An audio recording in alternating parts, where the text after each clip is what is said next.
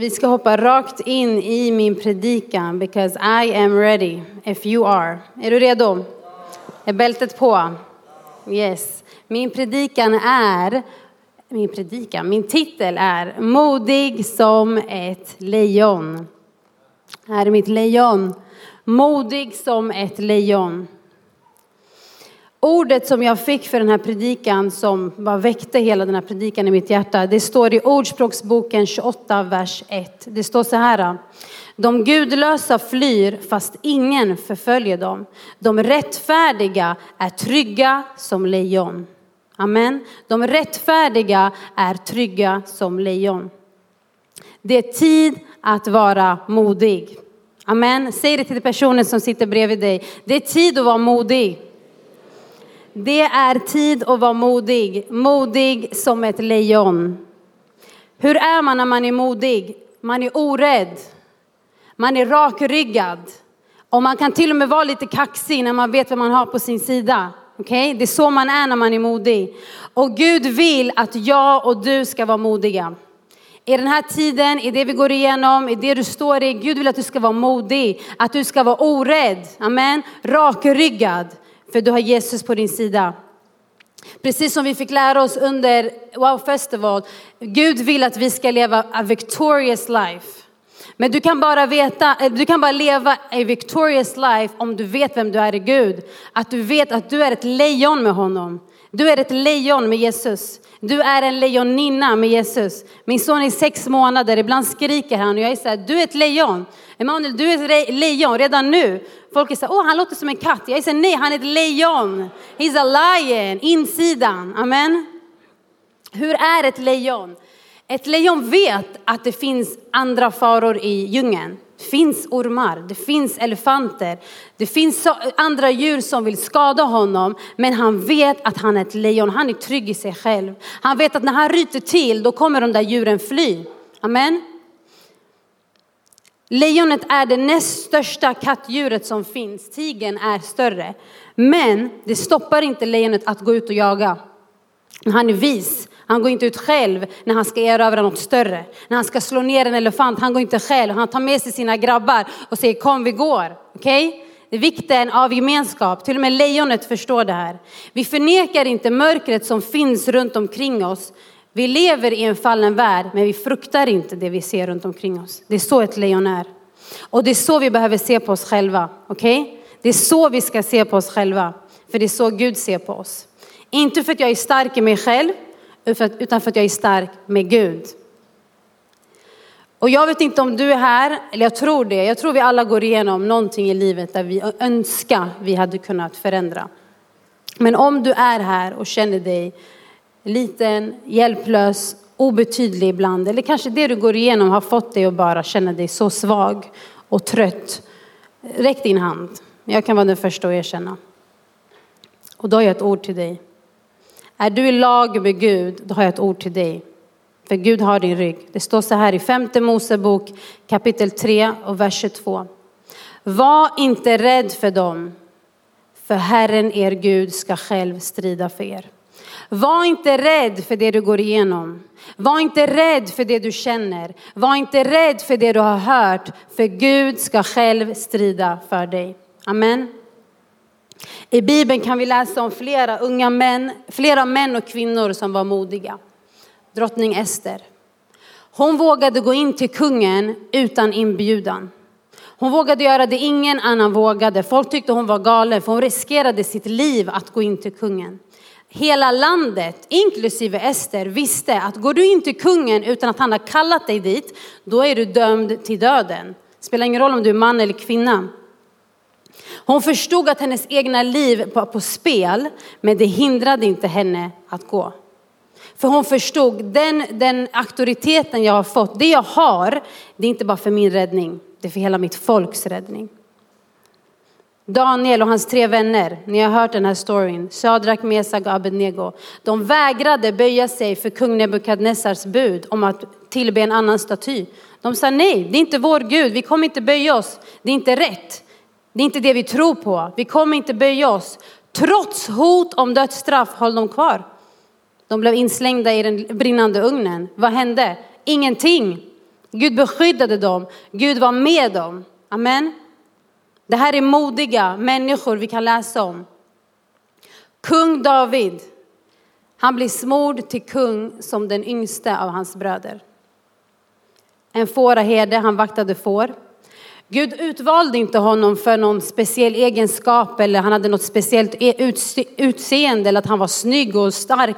Nej, han såg hans hjärta. Gud utvalde honom för att han såg hans hjärta. I Bibeln beskriver de honom som modig, vacker, stark och han hade ett gott omdöme bland människor. Framför allt hade han en orubblig tro på Guds trofasthet. Han visste Gud är med mig. Gud är med mig. Och han, det jag älskar med honom det är att han lät inte andra människors, hur de såg på han, omdefiniera det Gud sa om honom. Det spelade ingen roll vem som inte trodde på honom. Han visste vem han var i Gud. Han var inte perfekt utan han syndade flera gånger men han var snabb till att bekänna sina misstag och hans ånger den var äkta. Det finns en händelse i Davids liv som jag har relaterat till lite extra mycket den senaste tiden. Och jag tror att många av er känner till den här händelsen. Det är när David möter Goliat. Okay? David versus Goliat. Jag tror vi alla har, om inte redan har, eller vi alla kommer, om inte redan har, fått stå inför en Goliat i ditt liv.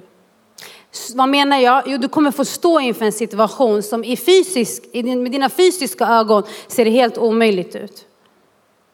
Men som du kommer kunna tackla ner med Guds kraft. Amen.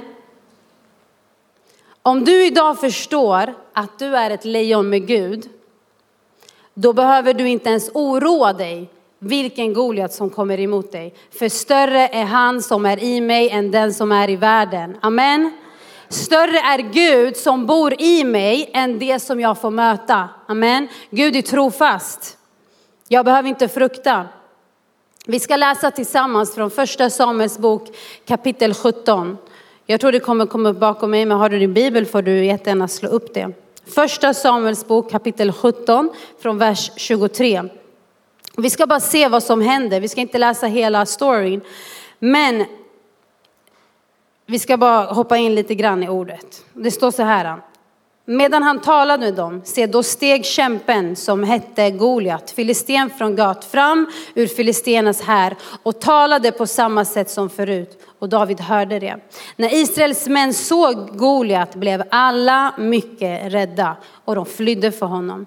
Israels män sa, ser ni den där mannen som stiger fram där? Han kommer för att håna Israel. Men den som slår, den som slår honom ska kungen ge stor rikedom. Han ska få kungens dotter och hans frus, fars hus ska han göra fritt från skatt i Israel. David frågade männen som stod bredvid honom, vad skulle den få som slår ner den där filisten och tar bort skammen från Israel? Vem är den där omskurne filisten att håna den levande Gudens här? Vem tror han att han är som hånar min Gud? Han ser stor ut och vi läser hur alla blev rädda och de flydde för honom. Men David såg inte det. David såg, vem är det som hånar min Gud? Jag vet att Gud är på riktigt. Vem är han som säger annat? David var angelägen om att jag, ska, jag vill strida mot den här mannen. Men ingen trodde på David, inte ens hans egna familj. Vi läser vidare från vers 33. Och det här är då kung Saul som är kung för Davids folk och han, ingen trodde på honom. Ingen var så här, ingen var glada av att han ville strida mot Goliat. Vi läser deras konversation. David säger så här till Saul. Låt ingen tappa modet. Din tjänare, alltså David, ska gå och strida mot den här filisten. Saul sade till David, inte kan du gå och strida mot en filisten. Du är ju bara en pojke. Och han har varit krigare ända från ungdomen. Men David svarade, din tjänare har gått i vall med sina fars får. Kom det ett lejon eller en björn och tog ett får ur jorden så följde jag efter vilddjuret och slog ner det och räddade fåret ur munnen på det. Om vilddjuret då reste sig mot mig så grep jag det i manen och slog det och dödade det. Din tjänare har slagit både lejon och björn. Det ska gå den där omskorne filisten som det gick vartenda ett av djuren. För han har hånat den levande Gudens här. David sa vidare, Herren som räddade mig från lejon och björn, han ska också rädda mig från den där filisten. Då sa Saul till David, gå och må Herren vara med dig. Till och med kung Saul ifrågasätter hans närvaro och tänker, vad gör du? Vad ska du göra? Men det stoppar inte honom. Han går inte ner och sätter sig och bara, det är sant, jag kanske inte ska ta den här matchen. Han säger nej, jag vet vem jag är. Jag är ett lejon i Gud. Amen. Jag är modig, jag kan. Och i sin desperation så tillåter Saul David att strida mot honom. Så vad gör han? Han försöker klä på honom hans egna vapen. Han ger honom, han ger honom en, en hel utrustning som Saul själv hade. En hjälm, hans egna svärd. Men David gick inte med på den här outfiten. Han var så här, det här, alltså jag vet inte vad jag ska göra med det här. Det är inte så här jag strider. Saul såg bara en jätte, men David, han såg en vanlig dödlig människa som hånade Herren. Han visste, jag kommer inte behöva slåss mot han själv. Utan precis som Amadou var inne på, God's gonna perform a miracle. Amen. David såg på situationen med Guds ögon. Så vad gjorde han? Han gick och bytte om. Han tog sin stav i handen, fem släta stenar och sin slunga och gick emot Goliat.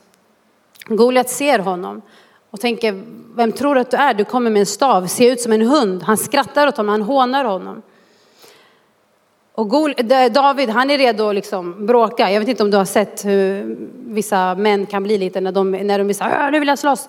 Men jag kan, jag kan föreställa mig, David, han var redo. Jag tror inte han stod där och bara, mm, Goliat, bara så du vet, I'm gonna kick your butt today. Han var inte så, han var så här, lyssna, jag kommer komma emot dig. Jag har Gud på min sida. Amen. Han kunde prata kaxigt till honom. Varför? För han visste vem han hade på sin sida.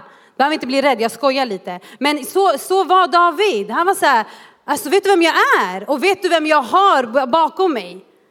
Han pratade kaxigt med honom. Han var trygg i Gud. Han sa, lyssna, jag kommer, I'm gonna come against you. Det står så här i första Samuels bok kapitel 17, vers 45. Du kommer mot mig med svärd och spjut och kastspjut, men jag kommer mot dig i Herren Sebaots namn.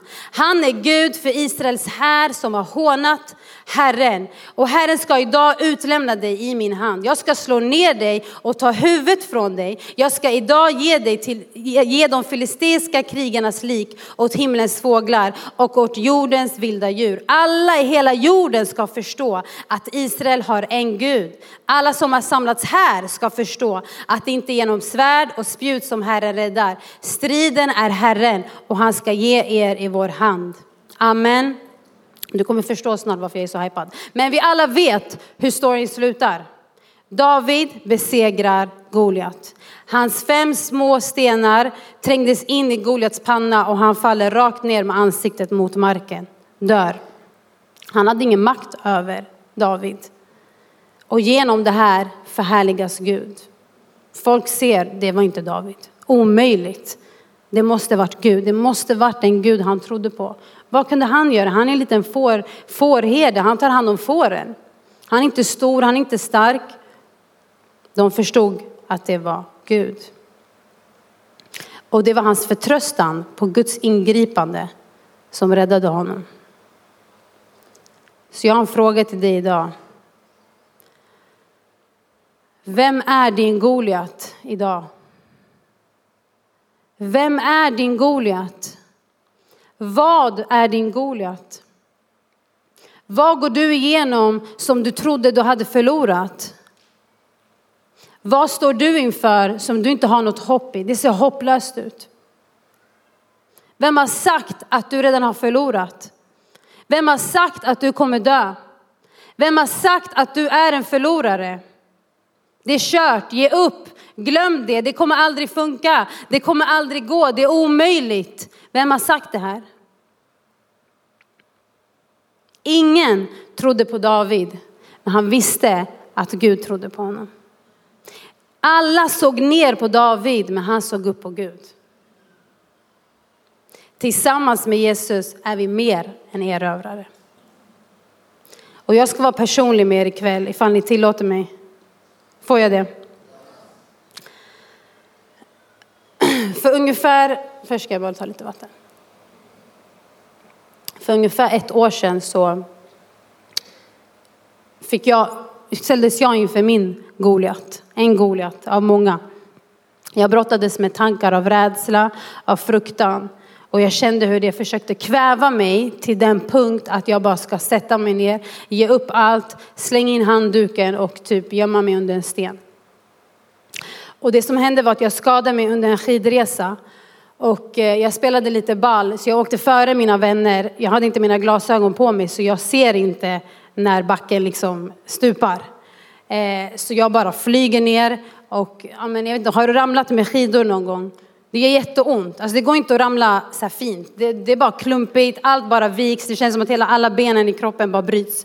Det var exakt det som hände med mig. Jag trodde att alla mina ben bröts. Men tack Gud så inget bröts, men jag skadade mig ganska rejält. Så jag ligger där nere och så försöker en kvinna hjälpa upp mig. Jag säger rör inte mig, rör inte mig, jag har jätteont. Så jag låg kvar några minuter. Sen kom min man och våra kusiner och vänner och de hjälpte mig. Men jag fattade att något, något allvarligt har hänt i min kropp. Kort därefter hamnar jag på akuten och efter flera timmars av väntan och efter två magnetröntgenundersökningar så finner läkaren någonting som jag inte var redo på.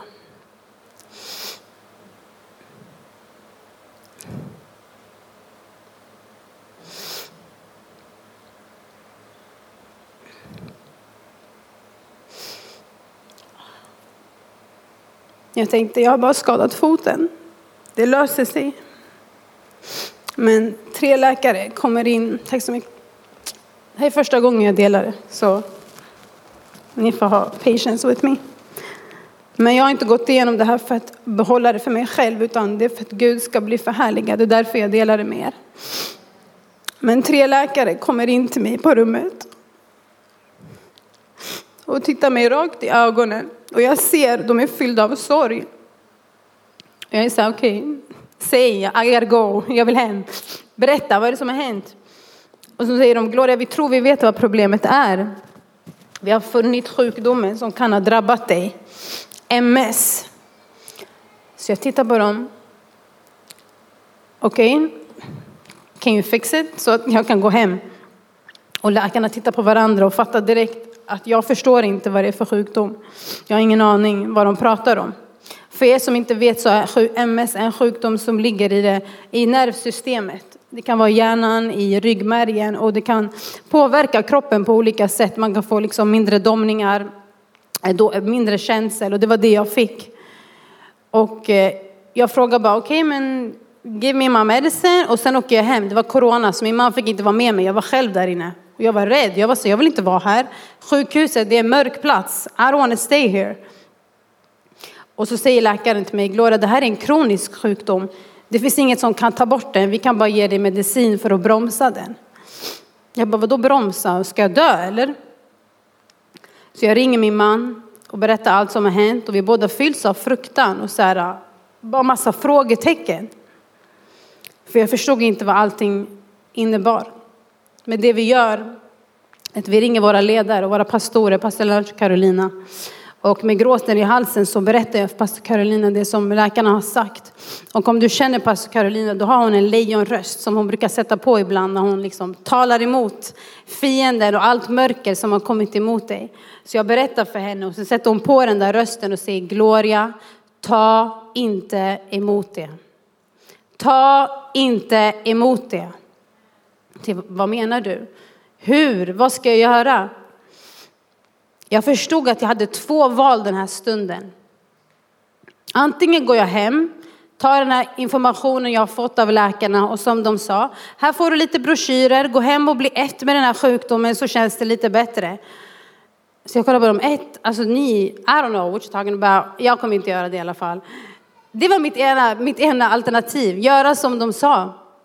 Eller så går jag hem och proklamerar vad Guds ord säger till mig. Vad Guds ord säger till mig. För jag tror på Gud och jag tror på att han lever. Jag tror på att hans ord är sanning. Och i Guds ord så står det att han bar mina sjukdomar. Då har du tagit det här Jesus. Jesus dog för 2000 år sedan på korset, sen uppstod han.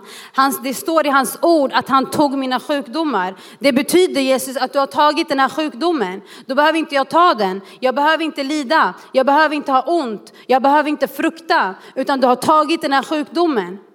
Det började jag proklamera ut.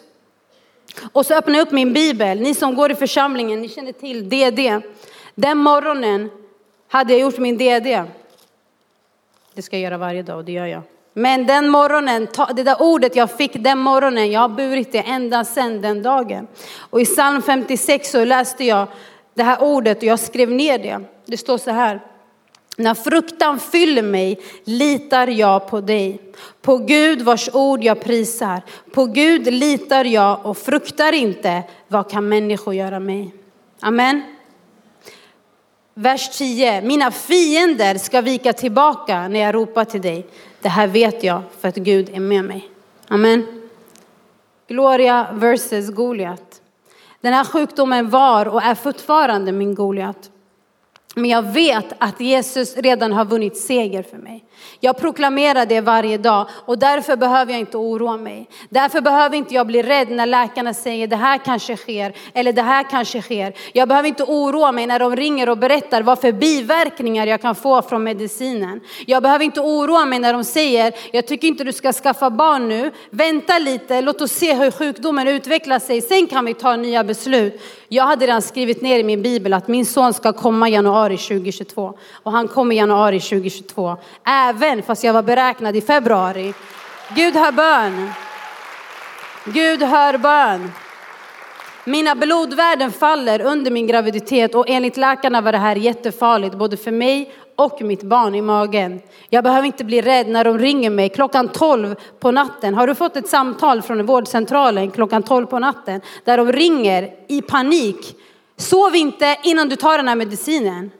Tänker, hur har du mitt nummer och hur, har du inte sovit själv? Tänk om jag sover redan.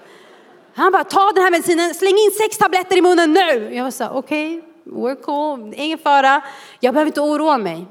Jag behöver inte oroa mig när jag behöver ligga på sjukhuset varannan, varannan vecka, hela min graviditet och efter jag har fött barn för att få medicin i flera timmar. Jag behöver inte oroa mig. Jag behöver inte oroa mig när läkarna säger du kanske borde pausa plugget, du kanske borde ta det lugnt lite med ditt liv, det verkar som att du gör ganska mycket, du brukar, man kan bli trött av den här medicinen. Jag behöver inte oroa mig. Jag behöver inte oroa mig för jag vet vem jag har på min sida. Amen. Jag vet att Gud är på min sida och därför behöver jag inte oroa mig. Sen dag ett beslöt jag mig, jag ska låta Guds ord ha högst auktoritet. Det du säger Gud, det är min sanning från och med idag and forever. Amen. Därför har jag kunnat fortsätta plugga. Jag har kunnat fortsätta tjäna Gud. Mitt nät, de tjejer jag tar hand om i mitt nät har till och med vuxit. Varför säger jag det här? Jo, för att inget du går igenom behöver vara ett hinder för dig att tjäna Gud. Amen.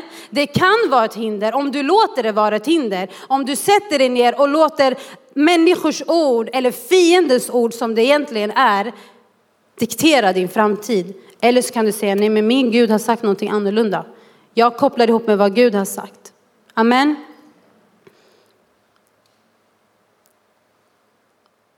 Ibland får man gå medan man gråter.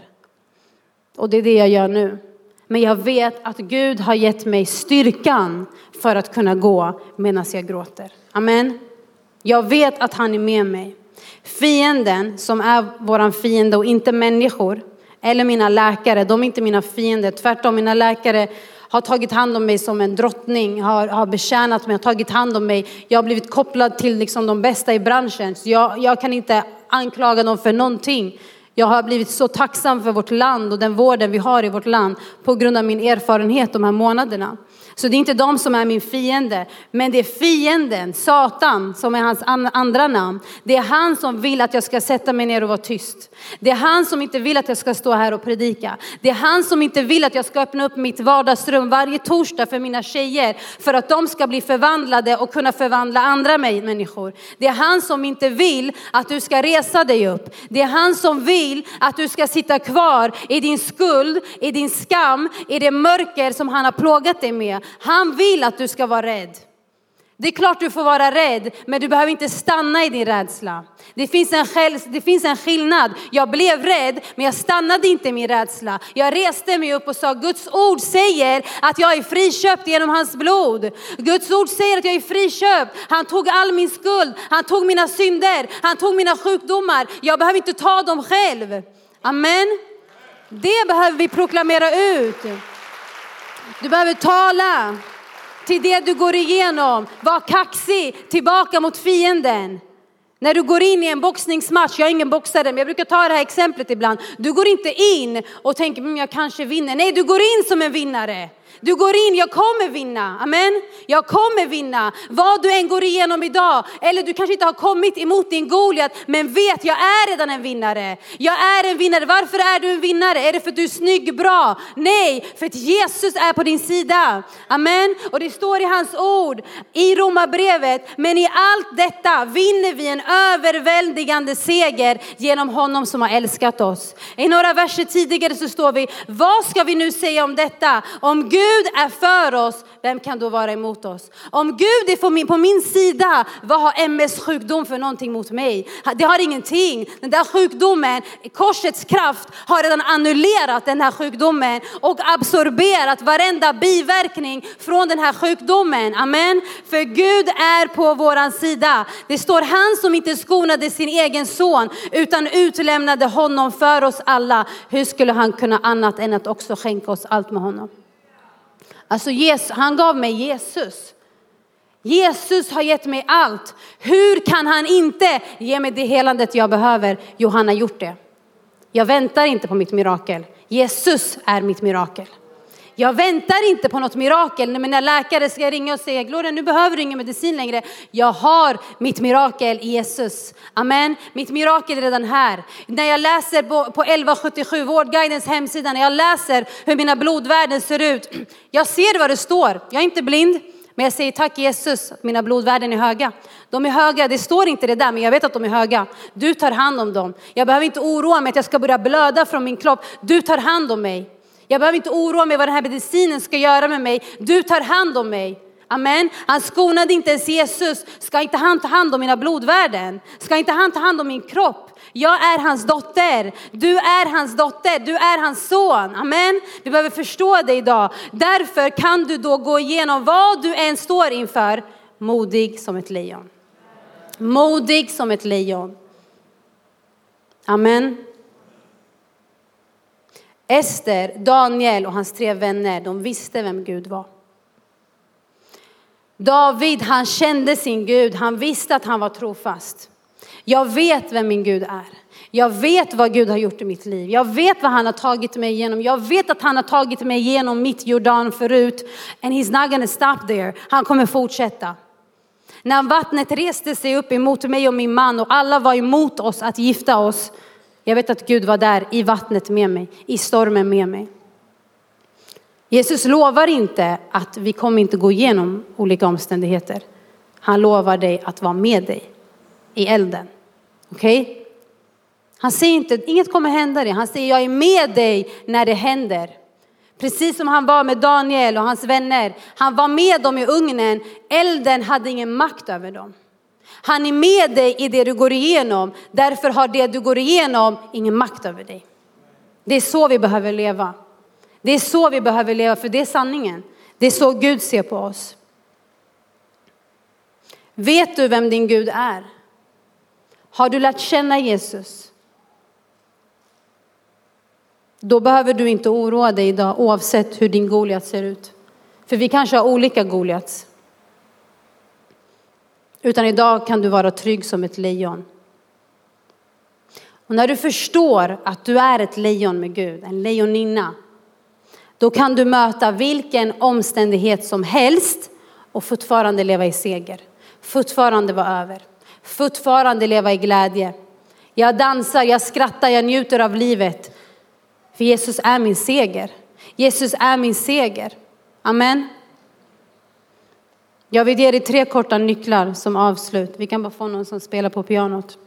Första punkten som jag vill att du tar med dig, det när du går igenom en omständighet där du bara ser Goliat framför dig. Du kanske är där nu eller har varit där. Men någon gång förr eller senare kommer vi ställa oss inför, inför omständigheter där vi är beroende av Gud. Det finns ingen annan väg ut. Första punkten, tala ut Guds ord. Tala ut Guds ord. Vad har du för rema ord i den situationen du går igenom? Kanske jag har inget rema ord. Öppna din bibel redan ikväll. Det finns massa löften för dig. De är inte bara där för att se bra ut, vi ska kunna posta på Instagram ibland, de ska matcha med någon dags aktivitet vi gör. Det är Guds löften till dig som kan bära dig när du går igenom eld, när du går igenom vatten, när hav kommer emot dig, när flera Goliats kommer emot dig. Det är Guds ord som kommer hålla dig vid liv och ingenting annat. Jag ringde inte min man när jag kände mig rädd. Jag gick till min, min DD. Vad sa du till mig i morse Gud? Jag läste din bibel. Vad sa du? Han visade mig vad han sa. När rädsla, tankar av rädsla eller av död reser sig upp, tala ut Guds ord. Punkt nummer två. Du behöver lära känna din Gud. Du behöver lära känna din Gud. Och det gör du genom att du läser din bibel varje dag, genom att du ber varje dag. Det är där Gud kommunicerar med dig. Då kommer det inte vara svårt för dig att lita på honom när du får en sån här nyhet som du inte var redo på. När du får en nyhet du inte hade förväntat dig. Punkt nummer tre. Omringa dig med vänner som ber med dig. Dela dina strider med din wow-ledare. Hon eller han vill bara hjälpa dig och pusha dig mot det hållet där din blick bör vara. Ibland tappar vi, tappar vi synen ibland. Men din wow-ledare kommer lyfta upp dig och säga titta rakt fram. Ta inte emot det. Fortsätt spring. Du är en lejoninna. Du är ett lejon. Ester innan hon skulle gå in för kungen, vet ni vad hon gjorde? Hon bad sina vänner att fasta för henne. Kroka arm med dina vänner och säg be för mig. Det finns inget att skämmas för. Det finns, inget att, det finns inget att dölja. Jag har ingen anledning att dölja det jag går igenom. Jag går igenom det för att du ska få hopp, för att du ska få tro. Det är därför jag berättar det här. Så punkt nummer ett, tala ut Guds ord. Lära känna din Gud och omringa dig med vänner som ber med dig. Amen.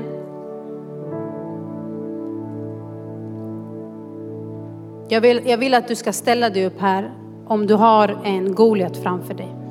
Har du en Goliat framför dig, ställ dig upp på dina fötter. Gör inte det för att alla gör utan gör det om du har en Goliat framför dig. Jag tror vi många har det. Kanske inte allas Goliat ser likadan ut. Men vi alla har omständigheter i livet som vi önskar var annorlunda. Jag tror vi är överens om det, eller hur? Men den här kvällen så vill Gud komma med frihet över dig. Jag vet inte om du är som mig, du kanske är rädd. Din Goliat kanske har skrämt dig. Det du går igenom just nu kanske stryper dig till den grad att du inte ens har sagt det till någon. Du har inte berättat för någon det du går igenom och det är det värsta du kan göra mot dig själv. Ingen kan hjälpa dig då. Din Goliat kanske har paralyserat dig så du säger nej men jag kan inte tjäna Gud nu. Jag kan inte starta en wow-grupp för det här händer just nu i mitt liv. Han vill paralysera dig för att Gud inte ska bli förhärligad genom ditt liv. Du kanske har gått igenom saker och tankebyggnader de ligger kvar. Tänk om något händer mig. Tänk om det där händer. Men de sa ju det. Du kanske går igenom en omständighet som du har tro för, men alla runt omkring, dem säger, alla runt omkring dig säger glöm det. Glöm det, det kommer inte hända. Vem är du? Gå tillbaka till din fårjord, som de sa till David. Gå tillbaka, ta hand om dina får. Vem ska du slå mot? Ska du slå mot Goliat? Men David lät inte det andra sa om honom omdefiniera det Gud sa om honom. Amen. Så det vi bara ska göra nu, det är att vi bara ska ta emot frihet. Om du känner så här, jag behöver bli fri. Gud behöver sätta mig fri. Jag är rädd. Jag är orolig. Min Goliat har skrämt mig. Min Goliat har fått mig ner på knä. Jag gråter. Jag vet inte vad jag ska ta mig till. Jag vet inte vem som ska rädda mig.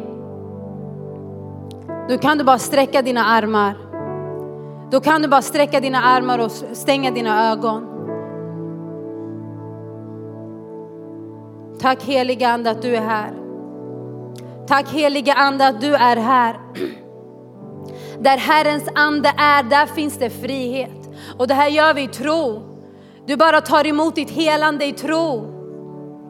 Jesus, jag tackar dig för att du ser allt som varenda person i det här rummet står inför. Du ser deras Goliat. Du ser deras Goliat. Du ser vad de står inför. Du ser det som de tror är omöjligt. Men jag ber att du ska väcka en ny tro i deras hjärtan den här kvällen. Jesus, jag tackar att du öppnar ögon den här stunden. Helige Ande, jag ber att du bara rör vid hjärtan den här stunden. Tack att du bara förvandlar hjärtan den här stunden. Tack att vi bara får se dig mitt i stormen Fader. Mitt i det vi går igenom vill jag att du bara visualiserar hur Jesus, han står framför dig. Han står framför dig. Du ser vågorna. Vi ser vågorna, men fokusera på Jesus den här stunden. Fokusera på Jesus den här stunden för att han säger min dotter, min son, jag kommer ta dig igenom. Jag kommer ta dig igenom. Frukta inte vattnet, frukta inte elden, frukta inte människors ord. Jag kommer ta dig igenom. Jag kommer ta dig igenom. Det är inte slut förrän jag har fått stänga med seger. Det är inte slut förrän jag har fått stänga med seger. Vår Gud han avslutar inte ett kapitel i förlust, han avslutar i seger. Så har du inte fått se seger så är det inte slutet än. Det är inte slutet än. Och därför kan vi bara lyfta våra händer och säga tack Jesus. Åh, tack Jesus att du bara kommer med ditt regn just nu. Av helande Fader, av styrka, av kraft. Tack att du bara helar hjärtan den här stunden Fader. Tack att du bara helar hjärtan den här stunden Fader. Tack att du bara helar hjärtan den här stunden. Genom ditt dyrbara blod Fader. Så kommer du med helande just nu. Rädsla, fruktan har, har kanske paralyserat. Tack att du bara sätter våran tunga fri den här stunden. Jag bryter varje tanke av fruktan och rädsla, av mörker över ditt liv den här stunden. Vad säger jag är fri? Jag är fri. Jag är fri. Inte för att jag känner det, utan för att Guds ord säger det. Jag är fri. Jag är fri. Tack Jesus. Tack Jesus. Tack Jesus. Tack Fader. Tack att du är här heligan. Tack att du kommer och bara omfamnar din dotter, din son. Med din kärlek just nu. Han kramar om dig just nu. Han kramar om dig just nu. Och han säger, var inte rädd. Var inte rädd. Var inte rädd. Jag är med dig. Jag kommer inte lämna dig. Jag kommer inte överge dig. Elden må ha kommit men jag är med dig. Jag är större än det du ser. Jag är större än det du ser. Jag är större än den där Goliat. Oroa dig inte. Frukta inte vad de säger. Guds ord har sist, högst auktoritet över ditt, ord, över ditt liv. Frukta inte. Gud är med dig. Gud är för dig. Han är på din sida. Även om vi vandrar i dödsskuggans dal fruktar vi inget ont, för att han är med oss. Hans käpp och stav, de tröstar oss. Han är med oss. Även om tusen faller vid vår sida, Ja, men för andra händer det så. Den sjukdomen drabbar dem så. Det spelar ingen roll. Även om tusen faller vid din sida, tiotusen vid din högra, ska det inte drabba dig. Andras erfarenhet är inte din erfarenhet. Gud har ett nytt hopp för dig. Jag bara tackar dig Jesus. I kraften av ditt blod Fader och i den auktoritet som du har givit mig så löser jag ut varenda själ den här stunden Fader. Jag löser ut varenda son och dotter i Jesu namn. I fullständig frihet i Jesu namn. Frihet från tankar, frihet från tankar av mörker, av död. Personer som har velat avsluta sina liv.